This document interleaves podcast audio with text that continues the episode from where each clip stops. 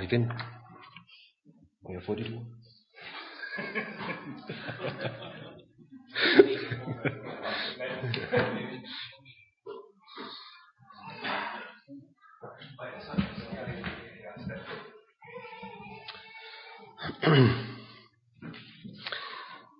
ja. Øh, temaet nu er øh, vores kald til at bringe evangeliet til, øh, til de, dem, som ikke er frelst. Og øh, det, som jeg kommer til at samle mig om, det er øh, det kald, vi har i vores eget land, i vores egen hverdag. Og øh, det har været øh, utrolig godt for mig at arbejde med og vældig befriende i forhold til meget af det, som jeg har mødt af øh, læsning og undervisning om det emnet. Det øh, er et emne, som mange kan opleve vældig tungt og slidsomt, men øh, det som Guds ord har at sige om det, det er vældig befriende. Og det skal vi bede om, at det må blive for os.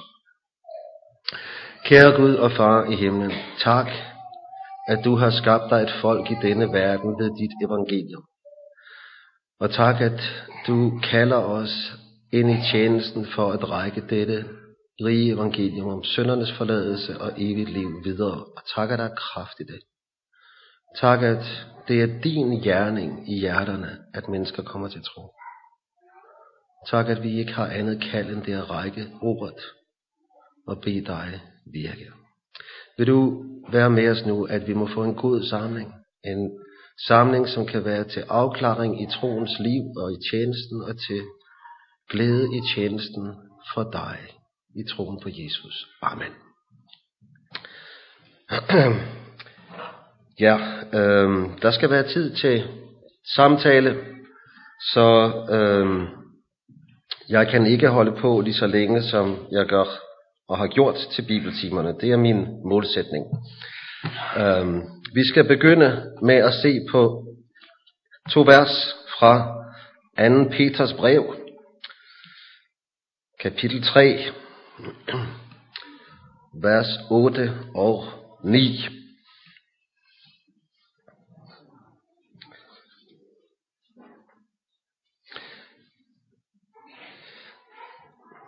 Her taler Peter om Jesu genkomst. Hvorfor er Jesus ikke kommet igen endnu?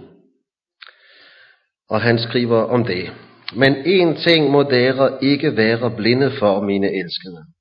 For Herren er en dag som tusind år, og tusind år som en dag. Herren er ikke sen med løftet, slik nogen holder det for sindhed. Men han har tålmodighed med dere, for han vil ikke, at nogen skal gå fortabt, men at alle skal komme til omvendelse. Ifølge dette ordet, så er der en eneste grund til, at verden står den dag i dag. Og det er, at Gud vil, at evangeliet skal nå til nye hjerter og virke tro på Jesus og virke frelse. Himlens port står åben, og døren til Guds rige står åben i dag. Og Gud vil, at mennesker i dag skal gå ind i hans rige og blive evigt frelste. Derfor står verden af den ene grund. Det er en vidunderlig verden skabt af Gud. Alt godt her er Guds gode gaver, men alt er der skov i. Der er intet i denne verden, som der ikke er skov i, som ikke er berørt og mærket af synden. Og øh, Gud længter efter at nyskabe himmel og jord, og lad os tage den i arv og eje, den nye jord. Men den dag, det sker, er der ingen ikke-kristne mere. De er her nu. Og øh, det er nådetid nu. Når Alexander den Store øh, var på sit store togt, som begyndte i Makedonien og endte over ved Indien, så fortælles det, at når han omringede en by, så stillede han op en stor fakkel foran byen og tændte ild på den. Og så lod han besked gå ind i byen, at øh, så længe denne fakkel brænder, så kan I komme ud, og så kan I blive frie borgere i mit græske rige. Kom ud, og der er nåde og fred og frihed. Men når denne fakkel er brændt ned, og den sidste glød er slukket, så vil der ikke blive vist nogen noget. Og på samme måde har Gud sat en fakkel op for denne jord, og den brænder endnu. Men når den sidste glød er slukket, så er det slut. Derfor er det missionstid nu. Og det er den røde tråd i hele skriften, fra først til sidst, at vi har en Gud, som er ude for at opsøge og frelse det fortabte. Det er det hjerte, Gud har. Hvad er det første ord, vi hører fra Guds mund efter syndefaldet? I Bibelen. Adam, hvor er du? Kom frem. Jeg vil tale med dig. Jeg vil tale med dig, og jeg vil frelse dig. Hvad er det sidste ord, vi hører i Bibelen fra Guds mund? Kom. Og den, som hører det, eller ham sige, kom. Og den, som tørster, han får komme, og han får tage livets vand uforskyldt. Der er en Gud, som råber, kom nu. Og jeg er så glad for, at missionen ikke beror på vores hjerters nød for mennesker. For min nød for andre menneskers frelse, den er så vekslende og svag. Men jeg trøster mig ved, at Guds nød for menneskers frelse er uforandret og usvækket. Han ser deres nød, når vi ikke ser den. Vi er så blinde for, hvor forfærdeligt det er, at mennesker går fortabelsens vej. Vi er så kolde over for den virkelighed. Hvad har vi brug for? Vi har brug for at få åbnet Guds ord og se den nød, de er i. Bliv stille for det. Læse disse tekster og tage det ind. Dette gælder for. Og så kan I sætte navn på. Men den største, det som vi har mest brug for at blive mindet om, det er, at når vores nød er svag, så er Guds nød den samme. Og det er godt. Det er godt, at Guds hjerte altid har den samme nød for deres frelse, og han kan bruge dem, hvis hjerter ikke er glødende. Tænk på Jonas. Han vil ikke prædike for Nineve. Og da de omvender sig, så bliver han arg. Og hvis Gud kunne bruge en Jonas til vækkelse og frelse, så kan han også bruge mig med det hjerte, jeg har. Det er der en stor frihed i. Og velsignelse i. Hvorfor er vi frelst? Vi er frelst, fordi der kom en mand, der hed Ansgar til Danmark og Sverige og til Norge. Og øhm, det må vi takke for. Han kom hertil med livet som indsats. Og så er evangeliet blevet ragt i generation til generation videre til os. Fantastisk. Nu er vores kald at række det videre til dem, som ikke har fået det. Og her må vi skælne, og det er vigtigt at skælne mellem det særlige kald til nogle kristne, og det almene kald til alle kristne. Der er nogle kristne, som får et særligt kald.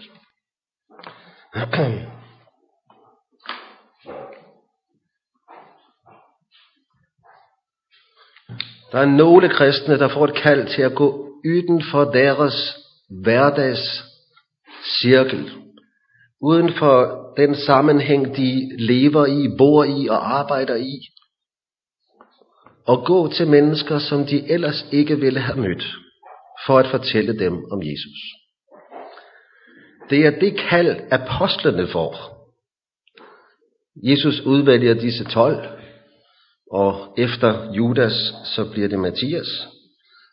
Og så kaldes de til at gå ud i Jerusalem, Judæa, Samaria, indtil jordens ende. Men det er ikke alle de kristne, der får det kald.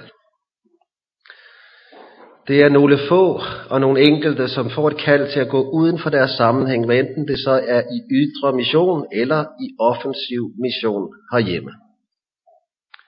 Det er ikke alle, der skal gå på torget og, og evangelisere. Det er ikke alle, der skal gå rundt og banke på døre og evangelisere. Da jeg var barn i Hillerød, så øh, var det sådan, at Bibelskolens elever, de gik på torget i Hillerød og evangeliserede, og det gjorde de alle sammen. Og jeg synes, det var vældig flot og vældig fint, og jeg undrede på, hvorfor min mor ikke gik med. Var det ikke naturligt, at mor gik med? Hvad var der galt med mor? Hvorfor gik hun ikke på torget og evangeliserede? Det, som var galt med min mor i hele min barndom, det var, at mor havde seks børn. Og øh, hun brugte tid på os. Hun havde omsorg for os. Hun læste Bibel med os, og hun sang med os, og hun, det var min mor, der lagde røst til evangeliet, så det åbnede sig for mig. Og det er jeg Gud og mor evigt taknemmelig for. Og jeg er taknemmelig for, at mor sagde nej, og tog vare på det, som var hendes kald. Og så tror jeg, der var flere elever, som skulle have haft frimodighed til at sige nej dengang. For det er ikke alle, der har det kald. Det er vidunderligt, når nogle har det kald og den ytrustning. Hvad enten det drejer sig om at være ydre missionær, eller gå på offensiv evangelisation i byen. Men øh, det er ikke alles kald. Det er nogens kald. Lad os bede dem frem, lad os støtte dem og glæde os, men lad os holde fast ved, at her er der forskel på, hvad vi er kaldet til. Men så er der noget, som er alles kald. Hvad er det, som er alles kald? To ting.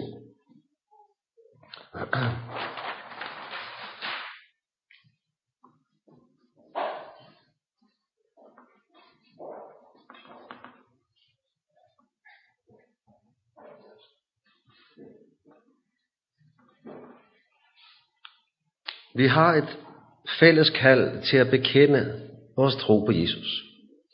Der hvor vi er. Og vi skal slå op på Matthæus 10, 32 til 33. Matthæus 10,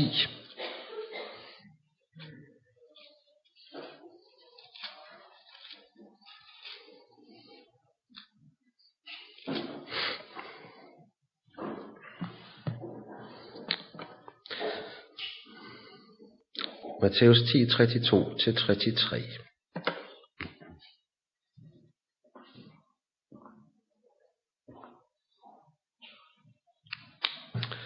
Derfor, vær den, som bekender mig for menneskene, ham skal også jeg kendes ved for min far i himmelen. Men den, som fornægter mig for menneskene, ham skal også jeg fornægte for min far i himmelen.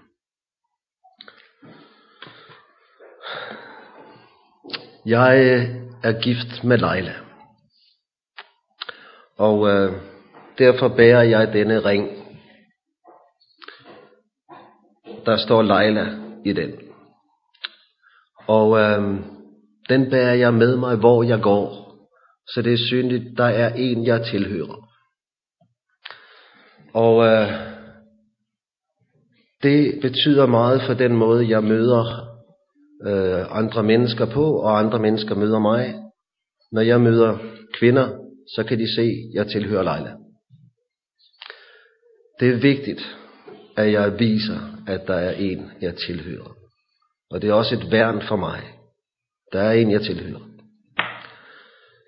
Jeg ved så også, at øh, Jeg har mødt mennesker, som når de skulle i byen fredag aften, så tog de ringen af, så lagde de ringen derhjemme, og så gik de i byen.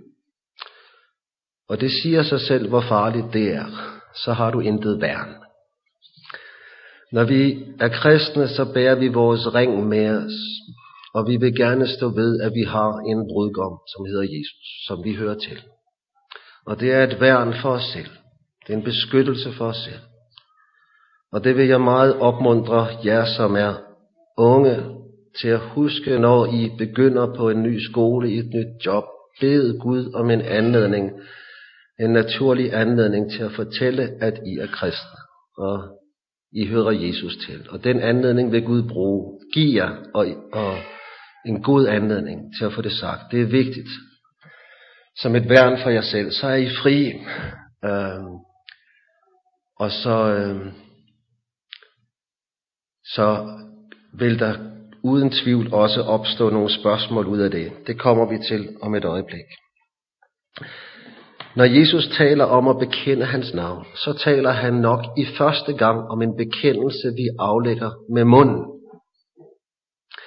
Men vi bekender i allerhøjeste grad også Jesu navn med vores liv. Og øh, her tror jeg, det er utrolig vigtigt at få et bibelsk perspektiv på dette.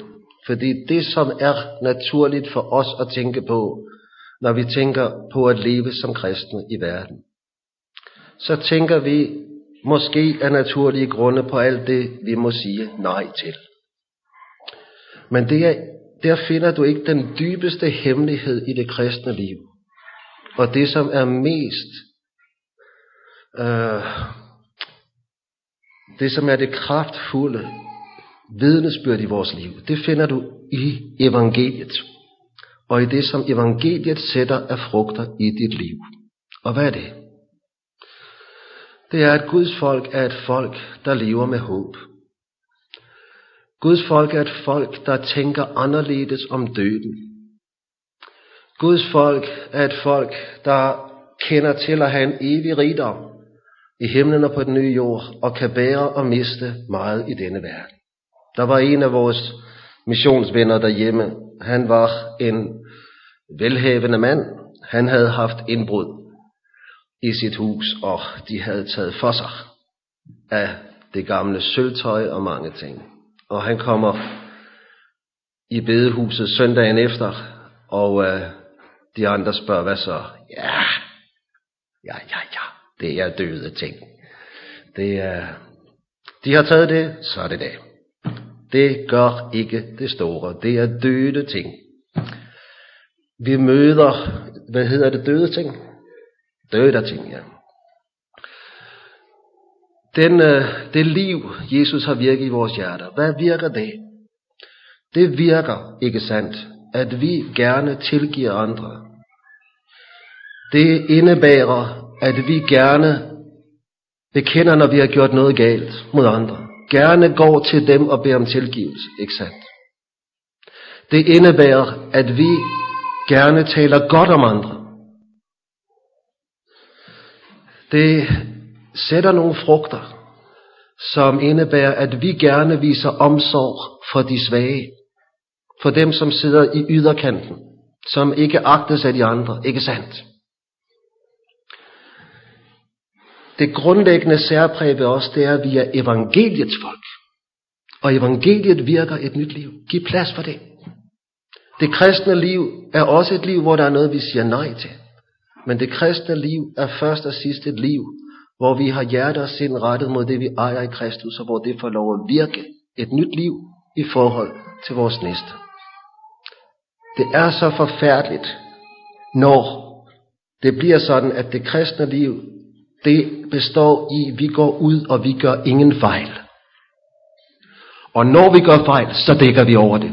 Fordi om vi begår fejl, så svigter vores kristne vidnesbyrd. Gør det det? Vores vidnesbyrd, det er om Jesus. Og vi er syndere, der har brug for ham. Så begår vi fejl, er vi de første til at bede om tilgivelse. Ikke sandt? Vi kender os selv som syndere. Ikke sandt? Der er et liv her, som er anderledes, og som virkes af evangeliet.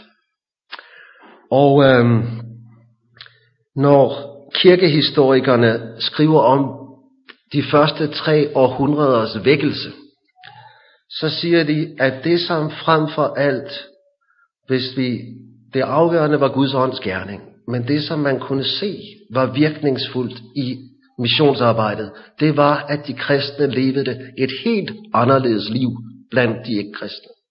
Et helt anderledes liv. Hvad var det præget af? 150-150 år efter Kristus, der er der en, der skriver om de kristne. Prøv at høre om dette liv. De kristne lever blandt grækere og barbarer, som det nu har lagt sig til rette for hver enkelt. Og de følger stedets skik med hensyn til mat og adfærd i øvrigt. Og alligevel er deres liv sådan, at det vækker almindelig undren og beundring. De bor i deres lande, men som udlændinge. De tager del i alt som borgere, men må finde sig i alt som var de fremmede. Et hvert land er for dem et fædreland. Et hvert land er for dem et fremmed land. De gifter sig som andre, men sætter ikke deres afkom ud. De deler bord med andre, men ikke ægteseng. De er i kødet, men de lever ikke efter kødet. De bor på jorden, men har deres hjem i himlen. De adlyder statens love, men de gør lovene overflødige gennem deres livsførelse. De elsker alle og bliver forfulgt af alle. De er fattige, men gør mange rige. De mangler alt, men har overflod i alt. De bliver vandæret, men i vandæren vinder de heder. De bliver udskældt, skældt ud, skændet ud, men de velsigner. Når de gør godt, straffes de som forbrydere, og når de straffes, glæder de sig, fordi de føres til livet. De kristne bor i verden, men er ikke af verden. Når jeg læser det, så tænker jeg, Jesus virkte liv i mit hjerte. Virkte liv hos os. Evangeliets liv. Og hjælp os at leve det liv af en anden verden midt i denne verden. Hvordan gør vi, gør vi det? Jamen det gør vi. Hvordan får, vi, hvordan får det liv plads i vores hjerter? Det var det, vi så på i Bibeltiden. Det inderste rum. Ind hos Jesus.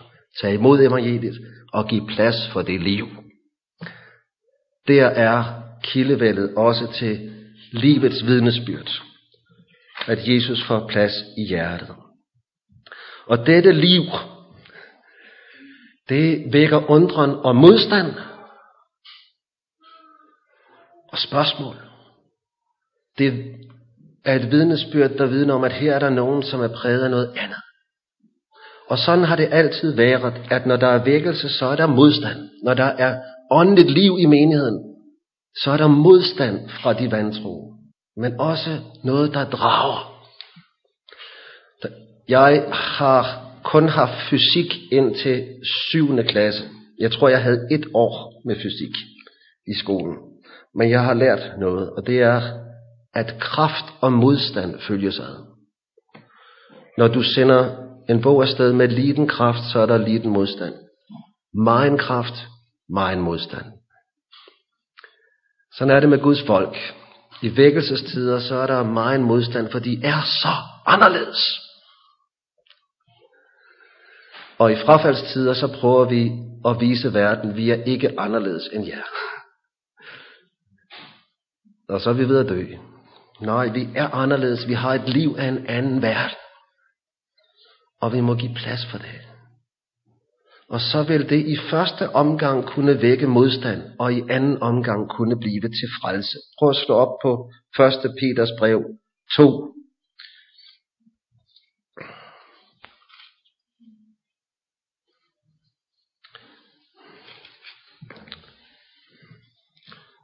vers 12.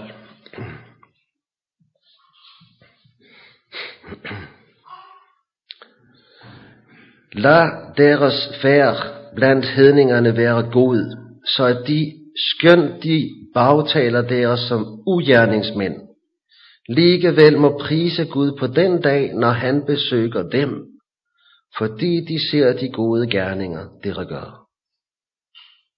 Det er jo underligt. Det, som Peter opmuntrer os til, det er at leve det nye liv. Leve som kristne. Og så leve med, at i første omgang vækker det modstand. Men der kommer en dag, hvor mennesker bliver stanset af Gud, og hvor de kan glæde sig over, at der var nogen, der var anderledes. Og hvor det kan få dem til at søge til, til troens folk og til, til evangeliet, til Gud. Øh, en præst, jeg kender, blev inviteret til at besøge det, til det juridiske fakultet i Aarhus. Han skulle sige noget til en, en sal med flere hundrede juri, jurastuderende. Og det han skulle sige noget om, det var om abort og værnet om det ufødte livet.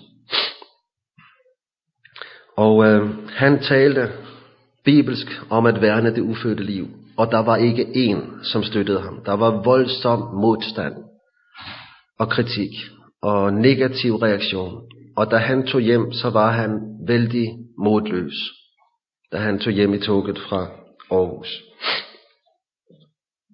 Så gik der to ykker, og så var så ringede telefonen. Og det var en øh, ung pige, som spurgte, om han kunne huske hende. Jeg var med ved det møde, og jeg var vældig arg på dig. Og det mærkede du også på det, jeg sagde. Jo, han kunne godt huske hende. Det jeg ikke vidste, sagde hun den dag, det var, at jeg var gravid. Det fandt jeg ud af kort efter. Og min første tanke var, at dette barn, det skulle jeg abortere, det skulle jeg æmme. Det øh, kom slet ikke til pas med dette barn, så det skulle væk. Men så kom jeg til at tænke på det, du havde sagt. Og det gjorde mig urolig. Og jeg tænkte mere og mere på det, og til sidst, så blev jeg overbevist om, nej, dette barnet skal jeg have. Og det vil jeg sige dig tak for. Tak, at du var der. Tak, at du sagde det. Lad deres færd blandt hedningerne være god, så at de skønt de bagtaler deres som ugerningsmænd, Ligevel må prise Gud på den dag, når han besøger dem, fordi de ser de gode gerninger, dere gør. Når vi lever med en bekendelse af Jesu navn med vores mund og vores liv, så vil der opstå spørgsmål. Der vil være nogen, der spørger til vores tro.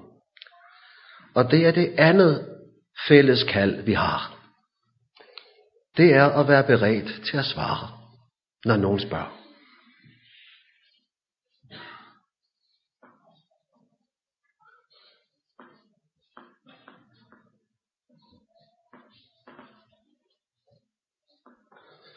Vi skal se på to skriftord.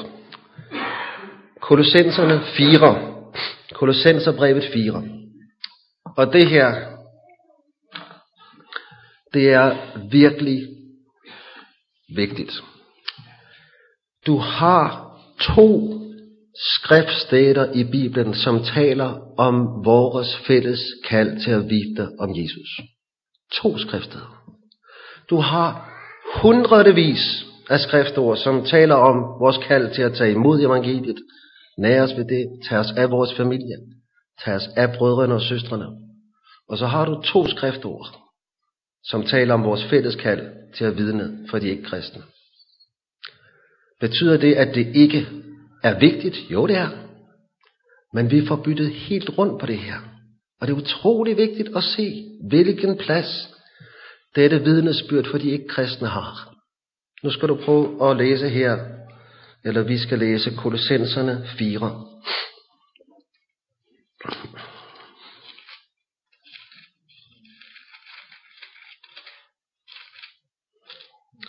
Vers 5-6.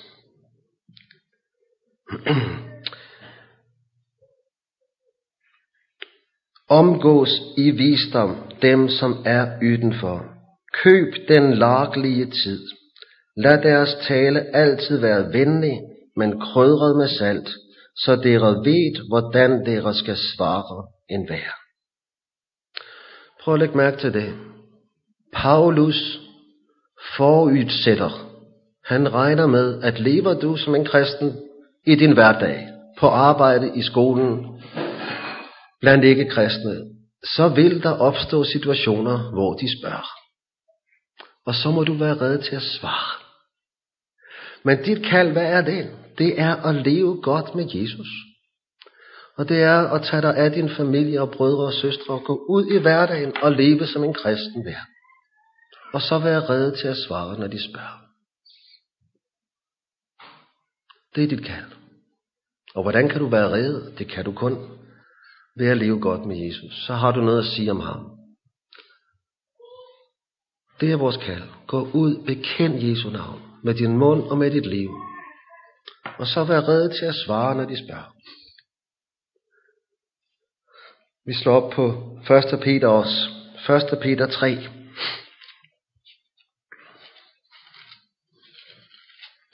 Femten til 16. 1. Peters brev 3. Vær altid beredt til at forsvare dere for enhver, som kræver dere til regnskab, for det håb, som bor i dere. Og jeg skulle have vers 14 B med. Sidste del af vers 14.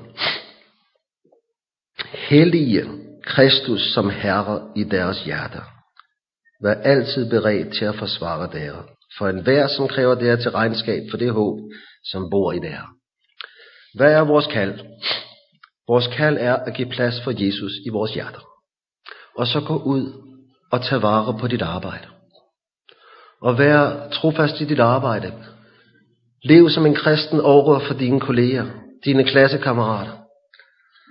Og så vær beredt til at svare, når de spørger. Og hvordan kan du være beredt? Det kan du ved, at Jesus har plads i dit hjerte. Så har du et frisk og sandt ord at sige om ham. Det er vores kald. Lev godt med Jesus. Lev godt med Jesus i familien. Lev godt med Jesus i menigheden. Og så gå ud og tag vare på jeres arbejde og vær beredt til at svare. Er det en evangelisationsstrategi? Det var den måde, verdens historiens største vækkelse blev virket på. Kristne, der levede godt med Jesus i deres hjerter, i deres hjem, i deres forsamlinger, og så levede som lys og salt derude. Verdenshistoriens største vækkelse. Fantastisk. Og så frit der. Gå ud. Tag vare på dit arbejde. Vær god mod din næste, hvad enten det er en skolekammerat eller din kollega. Hvad de har af byrder og bekymringer, tal med dem om det. Hjælp dem med det, som er deres behov. Hvad enten det er den ene eller anden art, menneskeligt eller socialt. Og vær reddet så til at tale om Jesus, når de spørger til det. Gå ud og vær god mod din næste. Og vær reddet til at tale om Jesus. Og så vil vi gerne have, at de anledninger skal opstå. Ja. Og det vil jeg meget opmuntre til. Bed om, at Gud må give disse anledninger.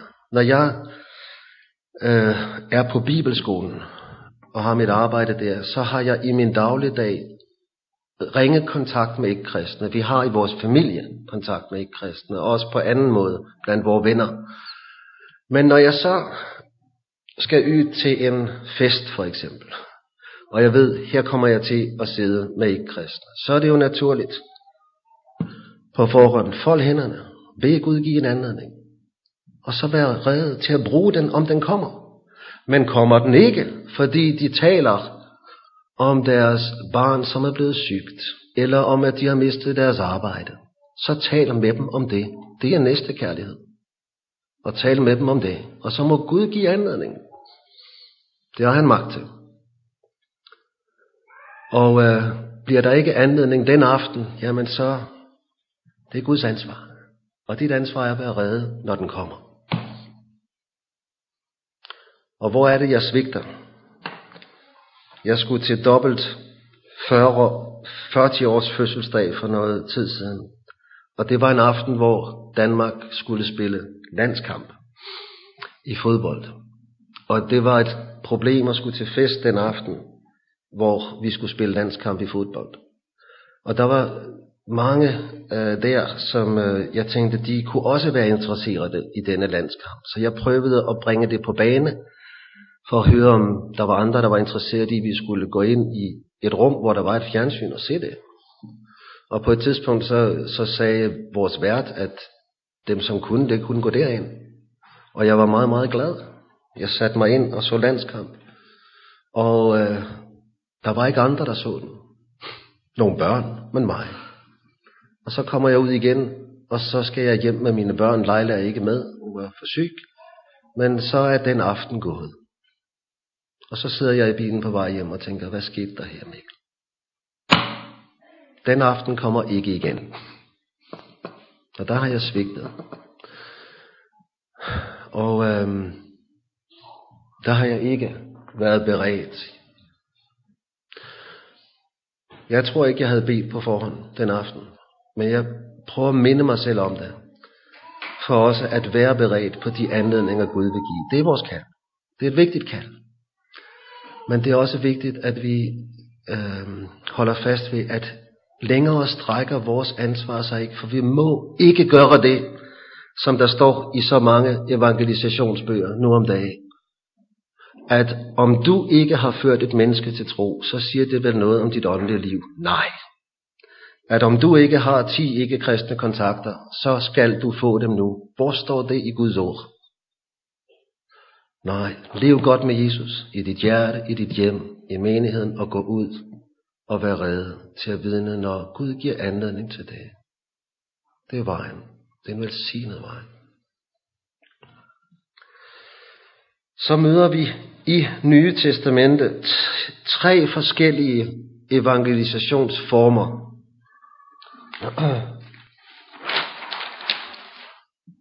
Den første, det er den, jeg har talt om her.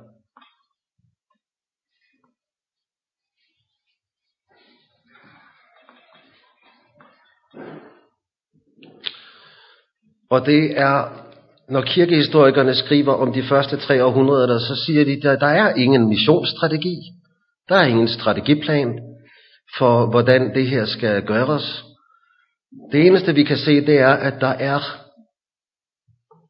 kristne, som kommer ud som soldater, som købmænd, som slaver, som slagtere, som malere, som bagere, som bønder, og de vidner om Jesus i deres hverdag.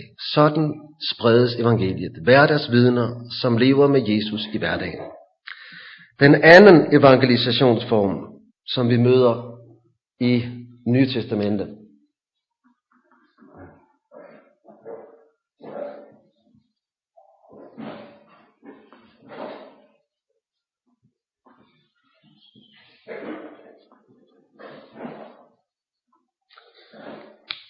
Det er det, som vi møder i apostlenes gerninger. En række eksempler på, at der er nogen, som stiller sig frem i det offentlige rum. På Areopagos træder Paulus frem, og så vidner han om Jesus. Og øh, det øh, er meget tankevækkende at læse disse taler. For de har meget at lære os i dag. I apostelgjerningerne så møder vi 11 offentlige taler. Hvad er kendetegnene for dem? Det som vi hører i dag, det er, at når der skal prædikes til ikke-kristne, så er der ingen, der spørger efter en nådig Gud. Det er slet ikke et spørgsmål for folk i dag. De tror knap på, at der er en Gud. Det er helt andre problemer, de er optaget af. Så at tale om Gud, om søndernes forladelse og evig frelse, det er opleves irrelevant. Folk i dag spørger ikke efter en nådig Gud. Nej, det har mennesker aldrig gjort. Det naturlige menneske spørger ikke efter en nådig Gud. Det spørgsmål må skabes af ordet i hjertet. Og hvad er det, apostlene gør? Prøv at lægge mærke til deres prædikner. De begynder i alle prædikner med dit forhold til Gud. Og taler de i en sammenhæng, hvor mennesker ikke tror, at der findes en Gud, som er verdens skaber og herre. Hvad gør de så? Det er Paulus' situation på Areopagos. Så stiller han sig op, og så siger han, der er en Gud, som er verdens skaber og herre. Og så tror Paulus, at dette ord, det åbenbarer Gud. Den Gud, de ikke tror på. Når jeg taler om ham, og forkynder, hvordan han er, så bliver han virkelighed for mennesker. Så møder de ham. Det næste, han siger, det er, denne Gud er du langt væk fra.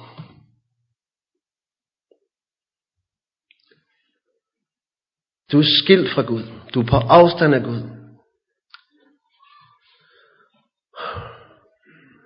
Rækkefølgen kan være lidt forskelligt. Det tredje, han siger, det er, at denne Gud elsker dig. Og det er vigtigt at få med. Det var overraskende for mig, da jeg arbejdede med de her taler. Det er vigtigt. Den Gud, som findes, han elsker dig. Men du er på afstand af ham. Men Gud har grebet ind for at frelse dig og føre dig tilbage. Og det sidste punkt. Derfor må du omvende dig nu. det er skemaet, det er, det er budskabet, lidt forskelligt disponeret i de forskellige taler. Men det er det, som mennesker har brug for at høre. Altid. Det betyder ikke, at når vi samtaler med vores ikke-kristne naboer, venner og familie, at det så er det, som vi skal bringe på bane med det samme. der er jeg overbevist om, at du må lytte til dem, og hvad er det, de taler om? Hvad er det, der er deres øh, ængstelse? Er det, at de har fået konstateret kræft? Så tal med dem om det. Det er ikke kærligt andet, end at tale med dem om det. Og er det, at de er bekymrede, fordi at nu skal de have en stor flytning, og øh, manden har lige brækket benet, jamen så hjælp dem med at få flyttet. Det er deres behov. Ikke sandt? Sådan er det. Men når vi står i forkyndelsens situation overfor ikke kristne, så må vi ikke tøve og vente med at give dem det afgørende og hjælpe dem til at få fred med Gud. Det skal ikke komme nede på dagsordenen. Der må vi gøre som apostlene og tale om den frelsende hovedsag med det samme. Det gør de. Hvad sker der, når jeg ved, at det er det, jeg skal gøre? Jeg skulle til Nordjylland her for noget tid siden og prædike i en forsamling, hvor jeg vidste, at de havde inviteret ikke-kristne. Og der ville sidde mennesker der, som aldrig har været i missionshuset. Langt frem i den, sad der et lesbisk par, Øhm, og der sad mennesker, som havde kommet i missionshuset før og var holdt op nu. Og så skal jeg tale til dem. Når jeg ved, at dette er mit budskab, hvad sker der så? Så tvinges jeg på knæ. Jeg mindes ikke nogen prædikner, jeg har været så bange for, og så ængstelig ved som dem. Jeg skal fortælle dem noget, som kun Guds ånd kan virke, bliver til overbevisning og tro og frelse. De er borte fra Gud. I må omvende jer. I må frelses. Men sådan prædiker apostlene. Og det må vi gøre til enhver tid. Det samme budskab. Dette evangelium, siger Jesus, om riget, skal prædikes for alle folk. Og så skal enden komme. Et evangelium. Og hvad er det, Jesus siger til apostlene, at de skal prædike? Prøv at slå op på Lukas 24. Når Jesus tager afsked med apostlene. Lukas 24. 46-47.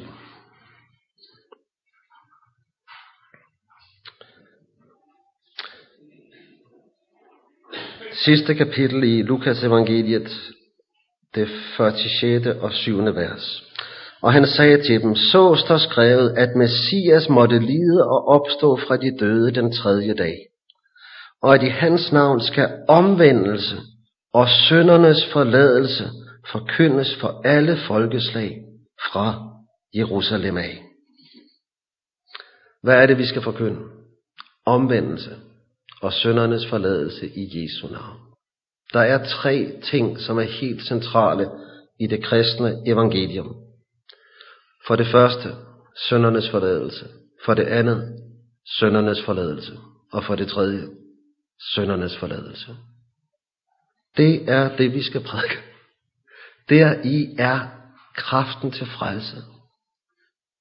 Frelseskraften er knyttet til ordet om Jesu kors. Og der er ikke frelse i noget andet budskab. Så skal mennesker frelse, så må det ske, fordi de hører om en stedfortræder. Ingen af jer er kommet til tro, uden ved evangeliet om jeres stedfortræder og frelser. Og sådan har det været fra Jesu tid og frem til nu. Samme evangelium om vores stedfortrædende frelser og forsoner, der har givet os fred med Gud. Det virker tro i menneskers hjerter. Det er vi bundet til, og det må vi prædike. Og derfor må vi på knæ om, at Gud vil gøre det sin gerning gennem det til frelse.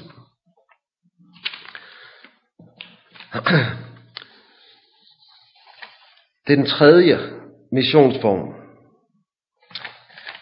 den skal jeg bare bruge nogle få ord på.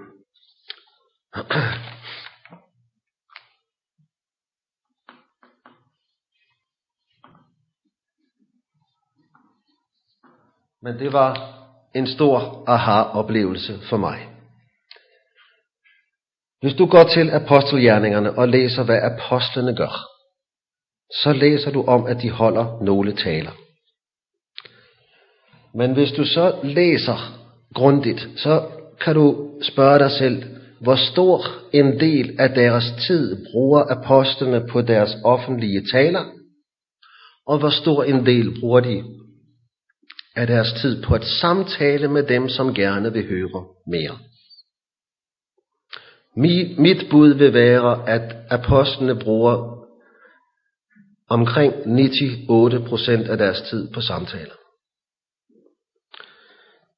De går ind i en by, og de holder en tale, og så er der mange, der bliver arge og vender sig fra det, men der er nogen, der gerne vil høre mere.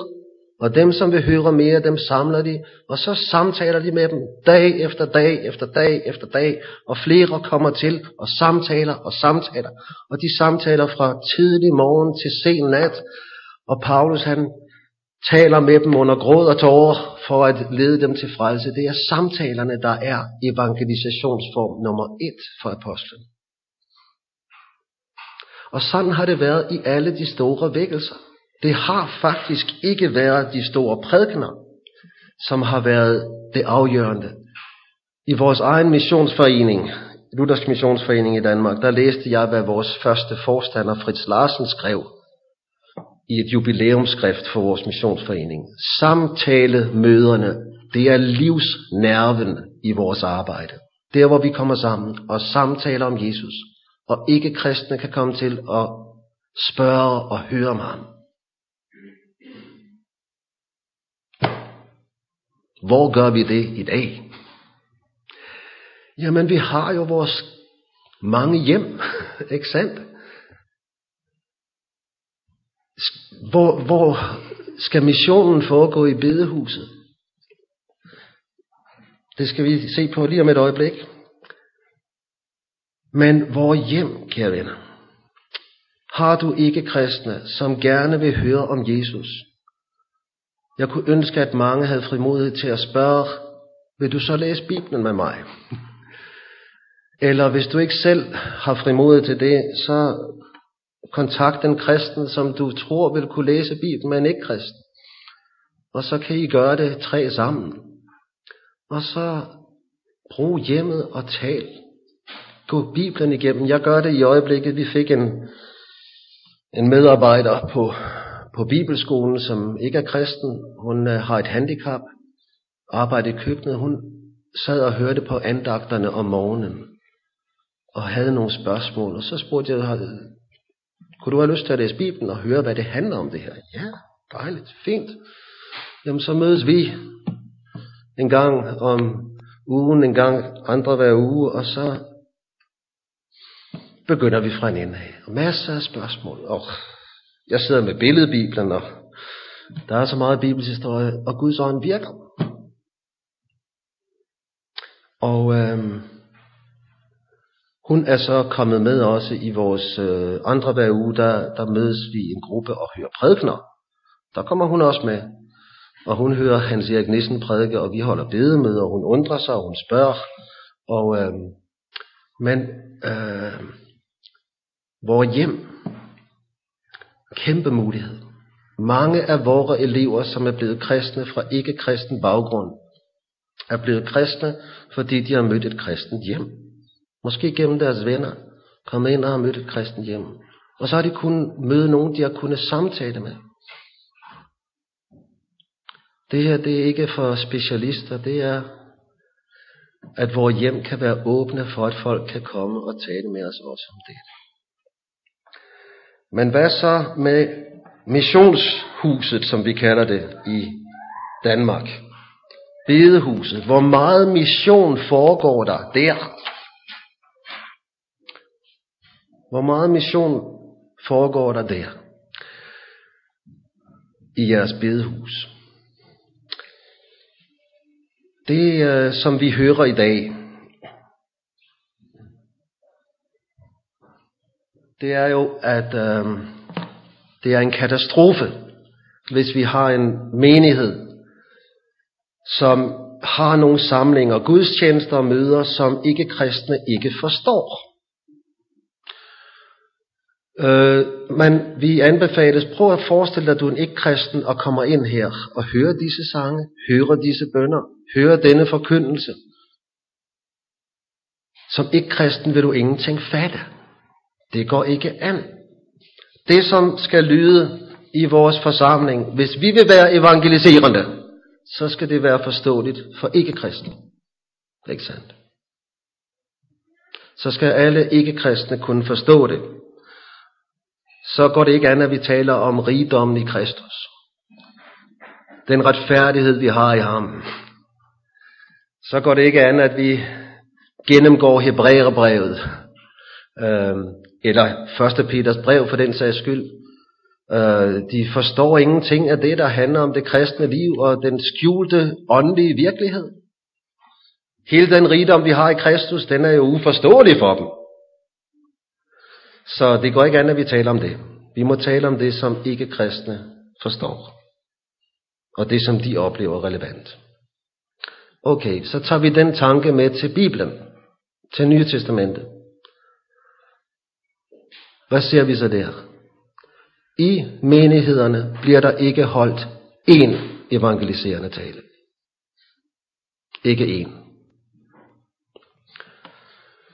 Evangelisation i Nytestamentet, det er ikke det, der sker, når forsamlingen kommer sammen. Det er det, der sker,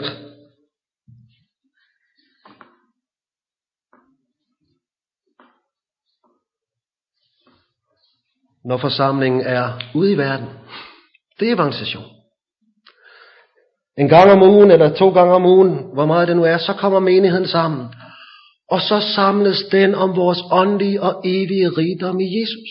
Og så skal vi høre det. Og det skal Vores hjertes øjne skal åbnes, så vi ser, hvor rige vi er. Det takker vi for, det synger vi om, og de undrer sig. De kommer ind, og de fatter ingenting. Nej, de er udenfor, og det er godt nok, at de mærker, at de er udenfor. Men dette her, det er kraftcenteret. Det er der, hvor vi er sammen om evangeliet, der taler om det skjulte. Det er så usynlige, som varer evigt. Og det, som ingen ikke kristen forstår, det er vi sammen om, for det giver tro og liv i hjerterne. Og så går vi ud i hverdagen, og så er vi lys og salt i hverdagen, fordi vi lever i troen på Jesus. Hvis du var djævelen og så det her, og du skulle være strategisk og ødelægge et kraftfuldt øh, missionsarbejde i Norge, hvordan kunne du gøre det? Du skulle ødelægge kraftcentret. Sørg for, at her bliver ikke evangeliet om vores rigdom i Kristus prædiket. Så er vi færdige. Så dør vi i vores hjerter. Det må ikke ske. Her samles vi som troens folk om troens rigdom i Kristus, og vi får det prædiket til tro og til liv. Og så går vi ud, og det som vi måske kan have brug for,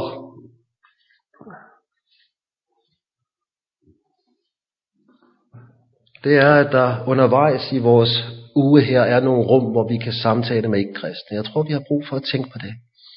Nogle rum, hvor vi også kan hjælpe hinanden med at samtale med ikke-kristne. Vi møder ikke-kristne her, og så, hvis de ønsker at høre om Jesus, så lad os indbyde dem til at læse Bibelen med os, eller noget lignende. Og så kan vi tage dem med til menigheden, og de forstår ingenting. Nej, men så kommer vi tilbage, og så taler vi om det. Og så ved Guds ånds gerning, så begynder deres hjertes øjne at åbnes for det, der er i Jesus. Og en dag, så står de her, og så ser de, det her, det er jo herligheden, det er jo rigdom. Men her, her springer kilden til tro og liv, og også til et kraftfuldt evangelisationsarbejde i Norge i dag. Ja, det var det, jeg ville sige her. Og øhm, til slut vil jeg, vil jeg sige en ting mere, men øh, nu skal der være anledning til spørgsmål. Ja. Skal vi synge en sang? Stå op og synge en sang. Kunne det ikke være godt? Det tror jeg. Vi har ikke sunget, O Jesus åbne du mit øje i dag, så lad os synge den.